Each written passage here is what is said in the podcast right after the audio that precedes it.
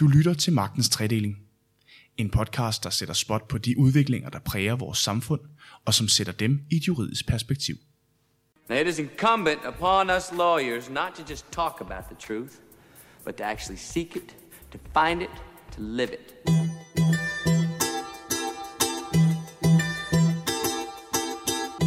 Tænk, hvis vi kunne kurere kræft. Tænk, hvis vores afgrøder kunne tåle frost. Og tænk, hvis vi kunne genopleve tabte arter. Måske er det scenarie slet ikke så tænkt. Genteknologien CRISPR, der gør forskere i stand til at klippe og klistre i levende organismers gener, er blevet testet og har af flere omgange bevist sit værd i diverse forsøg. Teknologien åbner nogle helt nye muligheder for at programmere vores verden til det bedre. Men den rejser samtidig også en masse både juridiske og etiske problemstillinger. For hvor meget kan man overhovedet tillade sig, når man begynder at manipulere med vores naturlige biologiske processer? Det skal vi finde ud af i dag. Mit navn det er Rasmus Lehmann Hylleberg, og vi er tilbage med femte sæson af vores perspektiverende og evigt aktuelle opslagsværk, Magtens Tredeling. Velkommen til.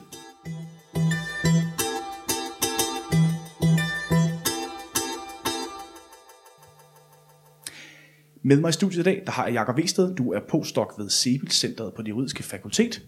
Og så har jeg Anne-Marie Aksø Gertes. Du er formand for etisk råd og professor i klinisk genetik. Velkommen til begge to. Tak skal du have. Øhm, for lige at bryde isen, kunne jeg godt tænke mig at spørge jer. Hvis I selv kunne vælge, hvad vil I så bruge CRISPR til? Vil du starte, Marie? Ja, det kan jeg godt. Øh, Må man kun sige én ting? Øh, lad os starte med en ting.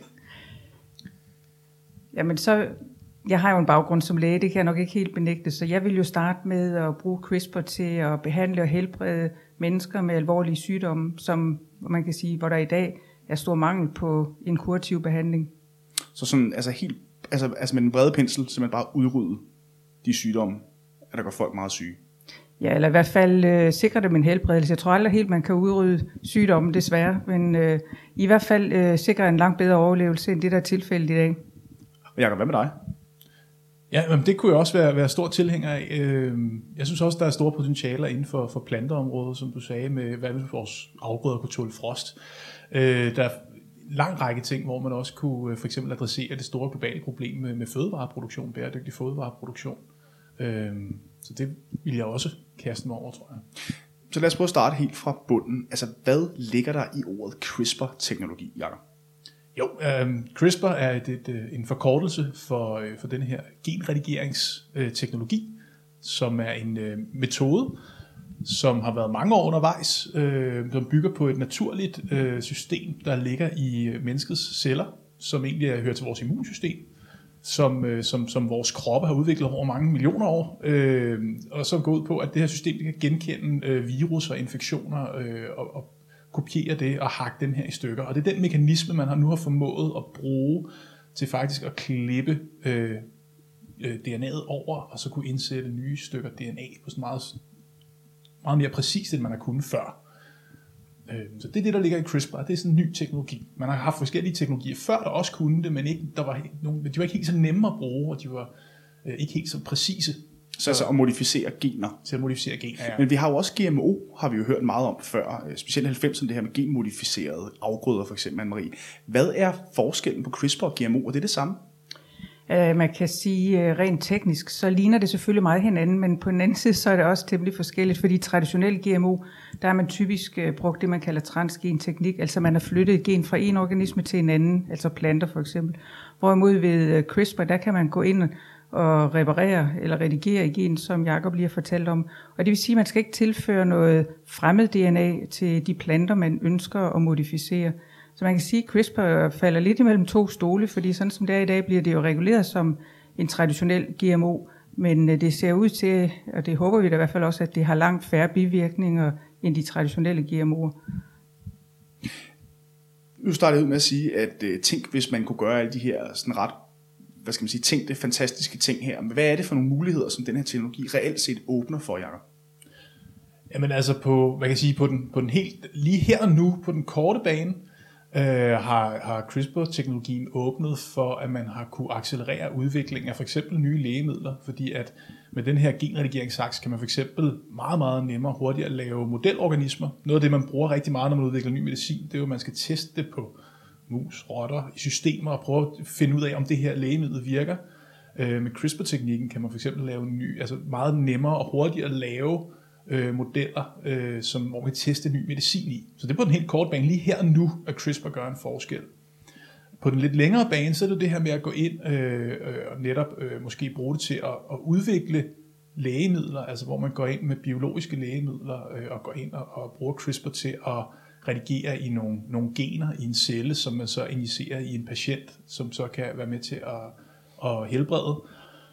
Det er øh, i forhold til netop planter, hvor man kan gå ind og, og, og redigere og give dem bestemte egenskaber, der kan være ønskelige, så man får et højere udbytte, en større resistent over for ukrudtsmidler, frost, øh, hvad det nu kan være, øh, som er på den lidt længere bane. Men i Danmark, som det ser ud lige nu, Anne-Marie, altså bruger man CRISPR på mennesker, som det ser ud lige nu? Altså mig bekendt bruger man det ikke endnu, men der er forskellige øh, projekter, det vi kalder clinical trials i gang, og det er også sådan mere på verdensplan.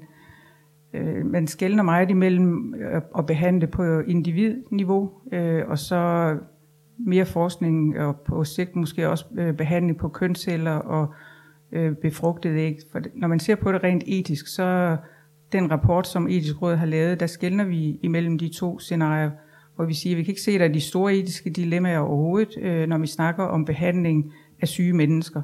Fordi der har det betydning for den enkelte person og for de syge celler, men det er ikke noget, man bringer videre til næste generationer. Hvorimod, når vi snakker om at redigere på kønsceller, så er vi der ikke endnu. Øh, og der kan man forudse, eller man kan i hvert fald frygte, at der, kunne være nogle et, der er nogle etiske dilemmaer, som vi ikke helt har svaret på endnu.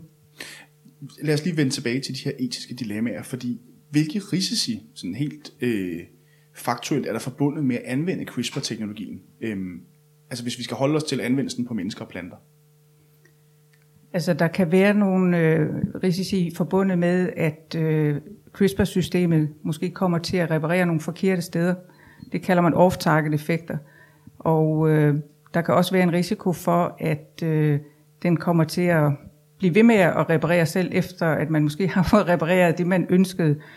Og øh, så kan der også være nogle udfordringer med, hvordan man får systemet ind i cellerne. Fordi hvis man nu for eksempel har en leversygdom, og man skal have fat i nogle stamceller fra sin lever og have dem modificeret, så skal man jo stadigvæk have det i laboratoriet, øh, i øh, en petriskål eller tilsvarende. Så skal man simpelthen injicere systemet ind i cellerne. Så man leder jo meget efter at få nogle øh, sådan nogle vektorer, som man kalder det. Det kunne for eksempel være nogle svækkede virus eller noget lignende, som kan transportere CRISPR-systemet ind i cellerne. Så er der stadigvæk en udfordring med at få transportvejen øh, effektiviseret. Jakob, på EU-plan, der har man en meget restriktiv GMO-lovgivning, men altså, som blandt andet øh, beror på forsigtighedsprincippet. Hvad betyder det? Forsigtighedsprincippet betyder grundlæggende, at man, man øh, lovgiver ud fra, hvad risikoen er. Altså hvis der er et risiko for, at noget går galt, så lovgiver man for at undgå den risiko. Men det er der vel også ved CRISPR? Det er der, bestemt. Mm. Øh, man kan sige, at der er i hvert fald usikkerhed, øh, og usikkerhed er jo lige med risiko. Fordi netop, som, øh, som, øh, som Anne-Marie sagde, der er øh, en masse ting, vi ikke ved, når vi går ind og piller ved de her byggesten. Øh, vi ved måske, hvad det gør her og nu, men vi ved også, at genomet er en kompliceret størrelse, naturen er en kompliceret størrelse, hvad er langtidseffekterne af de her ting? Og det er det, som man, man tester i, i kliniske test, for eksempel, hvor man prøver at teste over længere tid og i flere individer, prøver at teste, hvad er egentlig konsekvenserne af det her. Men hvordan forholder EU-lovgivningen sig til CRISPR, hvis overhovedet? Altså i forhold til planter, hvis vi kigger på den del af det, øh, for det er to forskellige diskussioner, om vi snakker planter, eller om vi snakker medicin til mennesker. Øh, hvis vi kigger på planterne, så, forholder, så var der en EU-dom, der, der parkerede øh, planter, der er blevet modificeret med CRISPR-teknologi i samme kategori som GMO, som genmodificerede afgrøder. Øh, og man kan sige, det der er problematisk ved det, eller problematisk, det diskuteres i hvert fald, det er, at den lovgivning, vi har om genmodificerede afgrøder, den blev lavet på et tidspunkt, hvor måden, man lavede genmodificerede afgrøder på, det var ved, at man øh, bombarderede genomet i en plante med kemikalier eller radioaktiv stråling, og lavede en hel masse tilfældige mutationer, og så håbede man, at var nogle af dem, der var gode, der, der kunne det, man gerne ville have, og så dyrker man dem frem. Så en meget voldsom måde at ændre genomet på, og meget indgribende. Øh, og det er jo ikke det, CRISPR gør. CRISPR går meget mere præcist ned og, og kan ændre en lille bitte smule, og, øh, og ikke nødvendigvis putte andre øh, DNA ind fra andre planter og blande arterne og sådan noget. Øh, så, så man kan argumentere for, at det er en mindre indgribende ting, CRISPR, der faktisk minder mere om det, som naturen gør af sig selv. For genomet er jo ikke stabilt. Genomet ændrer sig også helt uden at mennesket blander sig. Så man accelererer bare den her modifikation af genet. Accelererer modifikationen af genet naturligt, ja. Øh, Så, så dem, der, der, der synes, at EU-lovgivningen er for restriktiv her, siger, at CRISPR er slet ikke det samme, som den lovgivning blev lavet til. Så derfor skal vi gentænke, om den her lovning, lovgivning er for restriktivt. Ja, øh, det er jeg helt enig i, og det er også øh, en del af de elementer, som indgår i den redegørelse, øh, I Råd har publiceret her i foråret, hvor vi ligesom øh, slår på trummen for, at man skal kigge mere på det produkt, øh, der bliver fremstillet, i stedet for det selve processen. Fordi som Jakob også sagde, så bruger man jo kemikalier og bestråling til at forædle på planter i dag, og det skal ikke igennem den samme godkendelsessystem. Så på en eller anden måde, så skal der være en vis øh, symmetri i forhold til de forskellige procedurer, man anvender i dag. Ja, for kunne man ikke argumentere for, at det er mere etisk forsvarligt at klippe de dårlige gener ud af planter i forhold til bæredygtighed, end det for eksempel er at hvad skal man sige, sprøjte dem? Jo, bestemt. Så det vil være helt relevant, at man ligesom kiggede på det godkendelsessystem, man har i dag, og ligesom at sige, hvad er fordelen og hvad er ulemperne, og netop det der med, at man skulle se på produktet frem for det i processen. Nu har vi snakket om fødevare og medicin, men hvad med det her med at begynde at klippe i menneskers gener? Fordi vi har jo et eksempel fra Kina med en, øh, en forsker, der faktisk var inde og klippe et, et, var det et, et AIDS-gen ud af to tvillinger. Ja, et kig. Jeg tror, det var målet var vist at sørge for, at de her øh, børn øh, blev immune over for HIV-virus, mm. tror jeg, hvis var, var ideen med, med indgrebet. Om det så er lykkes, det ved vi ikke helt. Jeg er heller ikke helt med på, om de her børn de egentlig lever øh, endnu. Men det blev jo massiv kritik, det her. Ja, absolut. Og det er jo også, øh, som, som Anne-Marie sagde, vi er jo slet ikke der, hvor at, at CRISPR bliver brugt, eller hvor vi tænker at bruge det direkte på mennesker, og netop redigere i det, vi kalder øh, somatiske celler, altså dem der celler, som er arvelige. Det, som CRISPR bliver brugt til nu, er til at udvikle lægemidler. For eksempel at tage en celle, modificere den, så den kan gå ind og, og hjælpe med for eksempel at få en medicin det rette sted hen i leveren, eller øh, på den måde. Så man går altså ikke ind og klipper i menneskers gener, eller hvad? Er det forkert forstået? Altså mig bekendt, så anvender man ikke øh, CRISPR rutinemæssigt på det, man kunne sige, inde i menneskers celler, men vi bruger det jo i laboratoriet. Nu arbejder jeg til daglig i en genetisk afdeling, hvor vi laver genetiske analyser på mange forskellige patientgrupper, og så finder vi ofte varianter i gener, som vi ikke har set før og har svært ved at fortolke. Og der bruger vi CRISPR også til at gå ind og som et værktøj til at karakterisere de her varianter i laboratoriet. Så, så det I anvender allerede til teknologien? Det gør vi, men altså ikke på mennesker. Øh, og den bliver brugt rigtig mange steder rundt omkring, øh, fordi det er så præcis en teknologi, øh, og den er også enklere i forhold til de metoder, man har anvendt hidtil, så det har ligesom speedet op på nogle af de processer, øh, som vi har arbejdet med hele tiden. Jakob, set fra et juridisk øh, synspunkt, hvad er det så for perspektiver, som det her øh, CRISPR-teknologi, det ligesom øh, øh, altså har med sig? Altså, der er i forhold til udvikling af lægemidler, er man jo fuld gang nu. Man kan sige, for at få lov til at sætte lægemiddel på markedet. CRISPR kan bruges til at lave nogle nye lægemidler, det tror jeg slet ikke, der er nogen tvivl om. For at få lov til at putte lægemiddel på markedet, skal man demonstrere, at det er sikkert, det er effektivt, og at man kan producere det i en stabil kvalitet. Det er jo ret vigtigt, når vi spiser noget medicin, at vi ved, at der er det samme mængde medicin i hver pille, for eksempel. Ikke? Så at produktionsforholdene er i orden.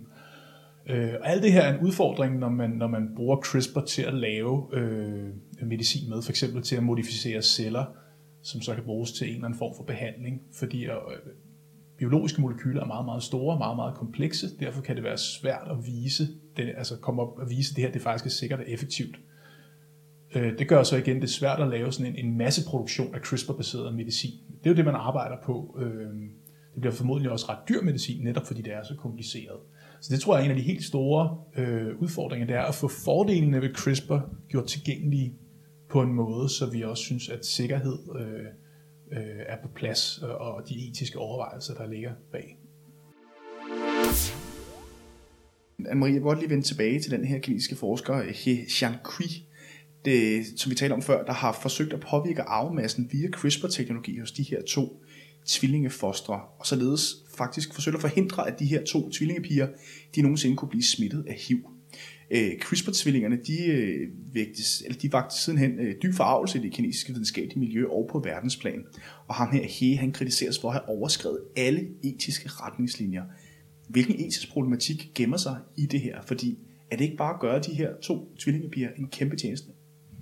Jeg synes, der er rigtig mange øh, spørgsmålstegn, man kan stille til lige præcis den problemstilling. Men det første helt grundlæggende er jo, at han har øh, ligesom forbrudt sig imod, at man først laver videnskabelige afprøvninger og projekter for at se, øh, om det overhovedet øh, kan lade, øh, lade sig gøre, og øh, om der er nogle bivirkninger. Han har kastet sig ud i at lave det i klinisk regi, øh, og derfor er han jo ligesom øh, blevet udelukket fra, fra hele verdens forskere selskaber, fordi man skal selvfølgelig først undersøge videnskabelige projekter, om det kan lade sig gøre, og hvilke bivirkninger der er, og hvilke langtidsbivirkninger der måtte være.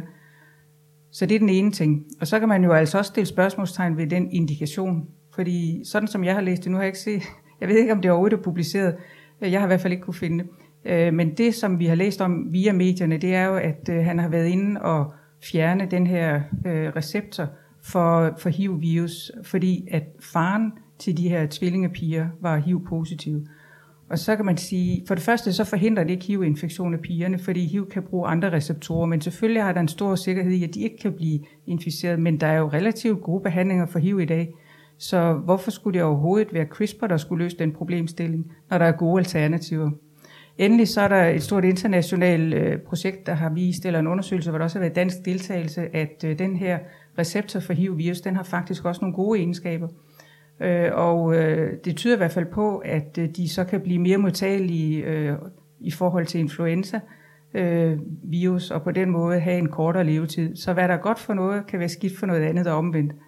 Hvordan, Jacob, øh, det, er jo, øh, det kan jo være rimelig problematisk det her, hvis man klipper noget ud, så, noget af det dårlige ud, så fjerner man også potentielt noget af det gode. Mm. Øhm, hvordan rent juridisk øhm, går man til at lovgive på det her område? Fordi det virker som om, at det er jo, øh, altså, det kræver en ekstremt stor kortlægning af, hvad der er godt og hvad der er skidt, og hvordan at de her ting, de spiller sammen. Ja, Altså nu kan man sige, at det er en, en læge går ind og, og beslutter sig for en behandling. Uh, læger har jo sådan, uh, udstrakt grad behandlingsfrihed. En læge skal have friheden til at være og kigge på sin patient og, og undersøge sin patient og, og vurdere, hvad er den bedste behandling for denne her patient.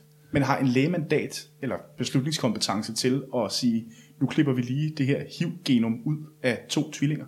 Jamen der vil jeg lige præcis, som, som, som Anne-Marie siger, jamen, der skal vi også huske, at der, der springer han nogle led over den her kinesiske læge, netop det her med, jamen det er ikke god lægeskik at hoppe direkte til den slags test af en teknologi på et menneske. Historikken bag det, det er jo faktisk 2. verdenskrig, hvor at, øh, at man netop altså, lavede eksperimenter på mennesker. Øh, I forlængelse af det blev der lavet forskellige protokoller og internationale aftaler om, at det gør man simpelthen ikke. Man skal først øh, lave nogle, nogle test i laboratoriet osv., osv., før man overhovedet tænker på at anvende den slags teknologi. Jeg nu er det ikke lige CRISPR dengang, men anvende øh, medicinske teknologier på mennesker.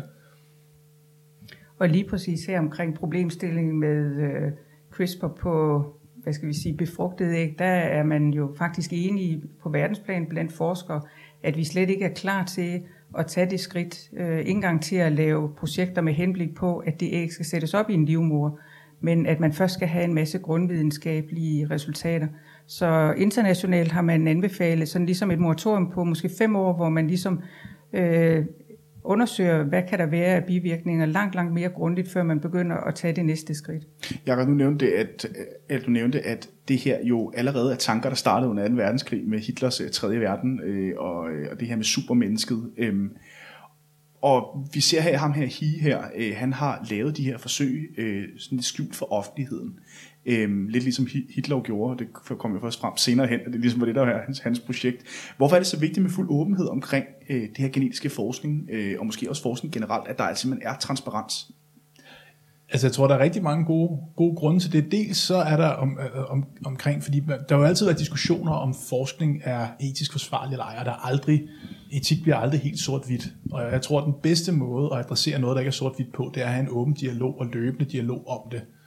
Øh, fordi det er nogle af de her komplicerede problemstillinger, hvor det måske ikke handler om at finde det rigtige resultat, men finde det resultat, vi alle sammen kan kigge hinanden i øjnene og sige, ej, det, det er okay at gøre det på den her måde. Noget, der er legitimt. Øh, vi kan finde et fælles fodslag.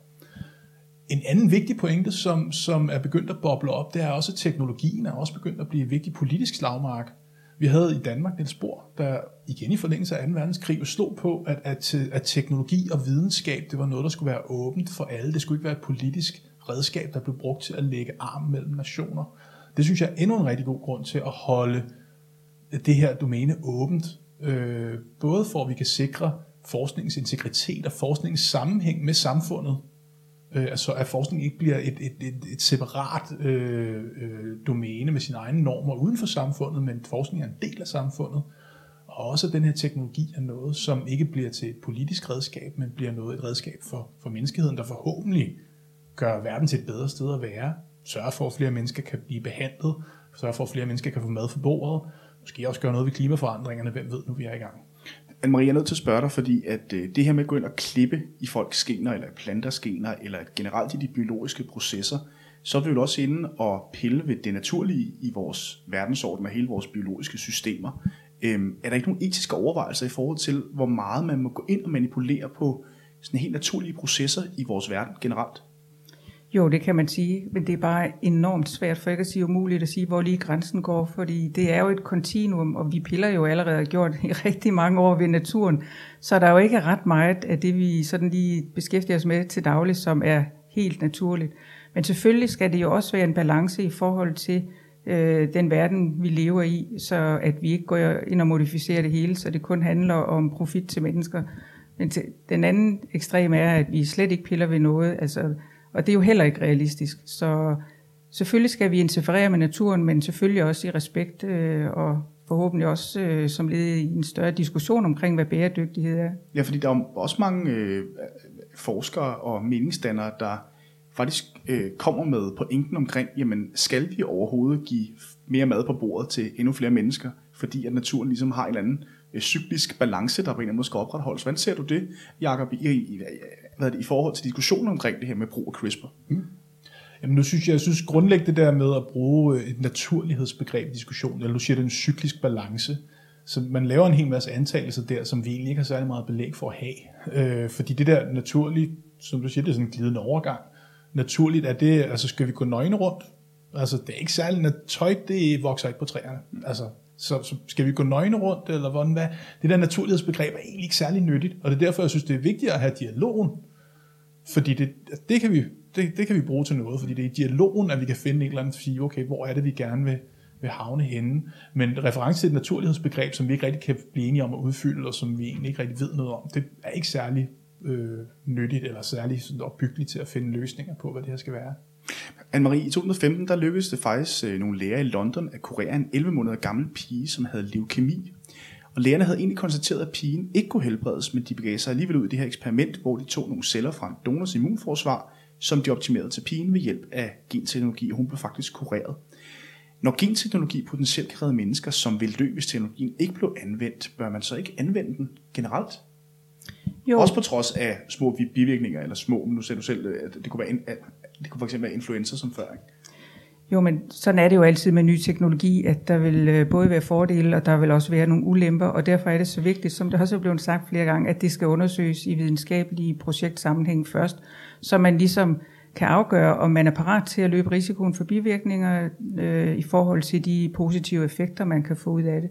Sådan er det jo også med standardbehandling i dag. Hvis nu den lille pige ikke havde haft mulighed for den nye teknologi, Jamen altså, hun har jo hele tiden fået den traditionelle øh, behandling, og det er der jo også bivirkninger ved. Så det er jo altid en afvejning af fordele og ulemper. Jakob, vi så øh, ham her, hi her med de to tvillinger. Det er jo, øh, han var kineser. Vi har, altså, vi har flere omgange set, at Kina ligesom tager sig nogle andre friheder i forhold til, hvad man kan tillade sig. Skubber også de etiske grænser på rigtig mange områder. Øh, blandt andet også i forhold til overvågning og hele det her med at lave sociale kastesystemer i deres samfund. Øh, kunne man øh, tænke sig, at det her CRISPR øh, er endnu et skridt i forhold til at lave sådan et A- og B-hold, som de jo faktisk allerede gør via øh, deres, øh, altså via deres øh, øh de her øh, overvågningsprincipper, de har i Kina, altså hvor der ligesom ikke er nogen, der regulerer dem? Det kan jeg selvfølgelig ikke udelukke. Det vil, vil tiden vise, kan man sige. Øhm, det jeg tror, jeg vil sætte min lid til, er, at, øh, at øh, der trods alt også er et internationalt forskersamfund, som har et meget stærkt ethos øh, og meget, meget lang tradition faktisk for at gå ret aktivt ind i det her på tværs af landegrænser, allerede tilbage i 70'erne, hvor, den, hvor man første, den første sådan, teknologi til at manipulere med DNA, recombinant DNA technology, som begyndte at blomstre frem, øh, tog forskerne selv initiativ til det, der hedder Asilomar-konferencen, blev den kaldt. øh, for at lave nogle retningslinjer for, hvad de synes, fordi allerede der kunne de godt se, at den her teknologi var der en hel masse etiske problemstillinger, både i forhold til spredning af det, man brugte den på, altså hvis man manipulerede genet i en plante, om den så kom ud i naturen, og i forhold til brugen på mennesker osv. Så, så, så forskningssamfundet har en stærk tradition for faktisk at forholde sig ret proaktivt til det her. Øhm, og, og forskningssamfundet, er mit indtryk, det er, ligger meget på tværs af landegrænser også, og ikke kun nationalt. Men Marie, eller proaktivt, det er jo også noget, I forholder jer til hos Etisk Råd, fordi I jo faktisk øh, rimelig positiv omkring det her CRISPR, særligt i forhold til at udvinde nye modstandsdygtige planter, for eksempel. Det har I udgivet i jeres rapport her øh, tilbage i april. Kan du kort oprise, hvilke overvejelser Etisk Råd øh, havde i forbindelse med den her udtalelse? Fordi at det virker også på, er på dig som om, at, at du rent faktisk ser nogle rigtig positive øh, effekter ved det her. Jo, men det er jo vigtigt, at man altid er åben over for, når der kommer nogle nye teknologier, om øh, de kan indgå som et element til at løse mange af de store udfordringer, vi står overfor. Og øh, grunden til, at vi tog det op nu her, det er helt lavpraktisk, at det faktisk er i rådets mandat, at det er et område, vi skal beskæftige os med. Men det var nok lige også øh, øh, hvad hedder det, aktualiseret af, at øh, EU-domstolen kom med den afgørelse for et års tid siden, at øh, CRISPR skulle igennem det samme godkendelsessystem som traditionelle GMO'er. Så vi øh, havde en lang proces, hvor vi havde eksperter inde øh, og informere os og diskutere øh, mange af de øh, overvejelser og dilemmaer, vi jo kunne se, der, der ligger i det. Og øh, nu kan man sige, ligger der jo også mere end 20 års forskning og erfaring på, at øh, der ikke er de store risici i selve den traditionelle GMO. Og det vidste vi jo ikke for 20 år siden, da vi startede, så der er det jo sådan set fornuftigt nok, at øh, man har en forsigtighedstilgang til det. Øh, vi har så anbefalet, at man begynder netop at se øh, på det med nye øjne og se netop på produktet frem for processen. Øh, man kan også øh, sige, at hvis man ikke går ind og, og måske lemper lidt på godkendelsesproceduren, så vil man aldrig kunne afgøre, om en øh, afgrøde den er modificeret med CRISPR, fordi det er så svært at detektere. Øh, og endelig den, øh, det sidste øh, element, som vi også kiggede på, det er jo i forbindelse med, at der, har, der er en stor folkelig modstand imod det, og det kan være svært at sætte fingeren på, hvad det er. Det kunne måske være netop sådan noget med, at det bliver så komplekst, at man tager afstand fra det, eller at man føler, at det er unaturligt, men man må jo konstatere, at dem, som har øh, nytte og gavn af den, øh, hvad skal vi sige, godkendelsesprocedur, som vi har i dag, det er jo de store multinationale firmaer, som har råd til at få deres produkter godkendt den vej. Øh, og der er jo mange små spirende firmaer og universiteter, som gerne vil være med øh, og udvikle ny GMO ved hjælp af CRISPR, som er afskåret fra det i dag på grund af netop øh, de store omkostninger, der er forbundet med det. Jakob, hvordan forholder man sig til lovgivningen i forhold til CRISPR, både på dansk niveau, men også på sådan en EU-plan? Igen så må man sondre lidt imellem, om det er om, øh, om, om det er lægemidler, vi snakker om, eller om det er behandling, øh, konkret behandling på sygehusene, eller om det er planter. Øh, hvis vi vender tilbage til, til eksemplet med, med pigen fra England, der blev kureret for, for leukemi ved hjælp af CRISPR, hvad man sige, den konkrete situation er nogle læger, der står i en konkret behandlingssituation og har prøvet en række andre øh, behandlinger, som, som ikke virkede, og siger, okay, nu take it, og nu har vi, vi har den her tilbage i kassen. Vi ved sgu ikke helt, hvordan det virker, men det ser virkelig skidt ud, så det er måske værd at tage chancen. Øh, og, og det, kan man, det kan man gøre. Der er også i EU-systemet mulighed for, at man kan få godkendt lægemidler hurtigere, for det der hedder compassionate use. Netop hvor man har patienter, hvor man siger, okay, men vi har prøvet alt, hvad der er i skuffen. Vi har den her eksperimentelle behandling.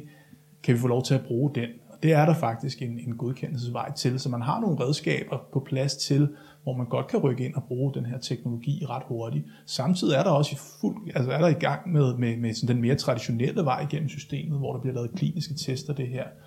Øhm, så, så jeg synes på, på, øh, på EU-niveau og, og i Danmark øh, er der i fuld gang med at, at få CRISPR øh, og de produkter og de fordele, der er ved CRISPR, implementeret stille og roligt igen i sådan en balance mellem, jo, men vi kender ikke langtidseffekterne, og vi kender ikke den her teknologi helt godt nok, og genomet er et vældig kompliceret ting at begynde at pille ved.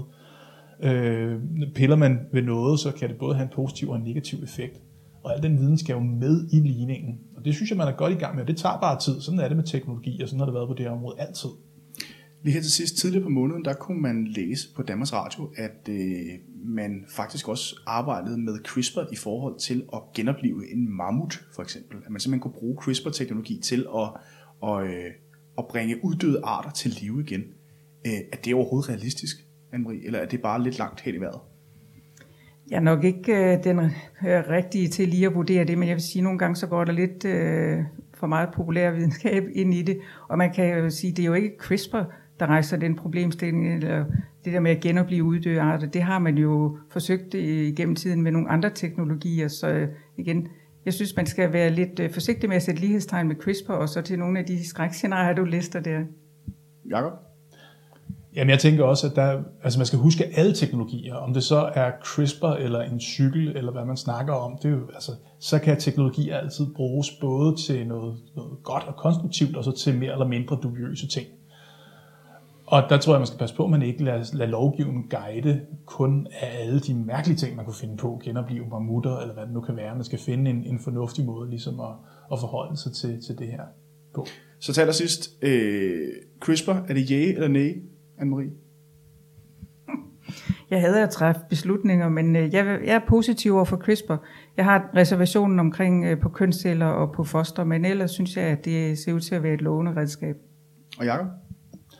Jamen bestemt CRISPR eller en anden genredigeringsteknologi, der kan sagtens stå og komme mange flere, der måske også er endnu bedre end, end CRISPR, men, øh, men jeg tror bestemt, det bliver en del af vores fremtid på den ene eller den anden led. Så det var sådan lidt et svævende svar, lidt midt imellem ja og nej her for jer begge to. Øh, tusind tak, fordi at I havde lyst til at tage snak med mig omkring CRISPR. Øh, Magtens Træning kan findes på øh, iTunes, eller hvor du ellers finder dine podcasts, så kan du altid læse mere på k-news.dk. K-News og Magtens Tredeling er produceret af Karner Group.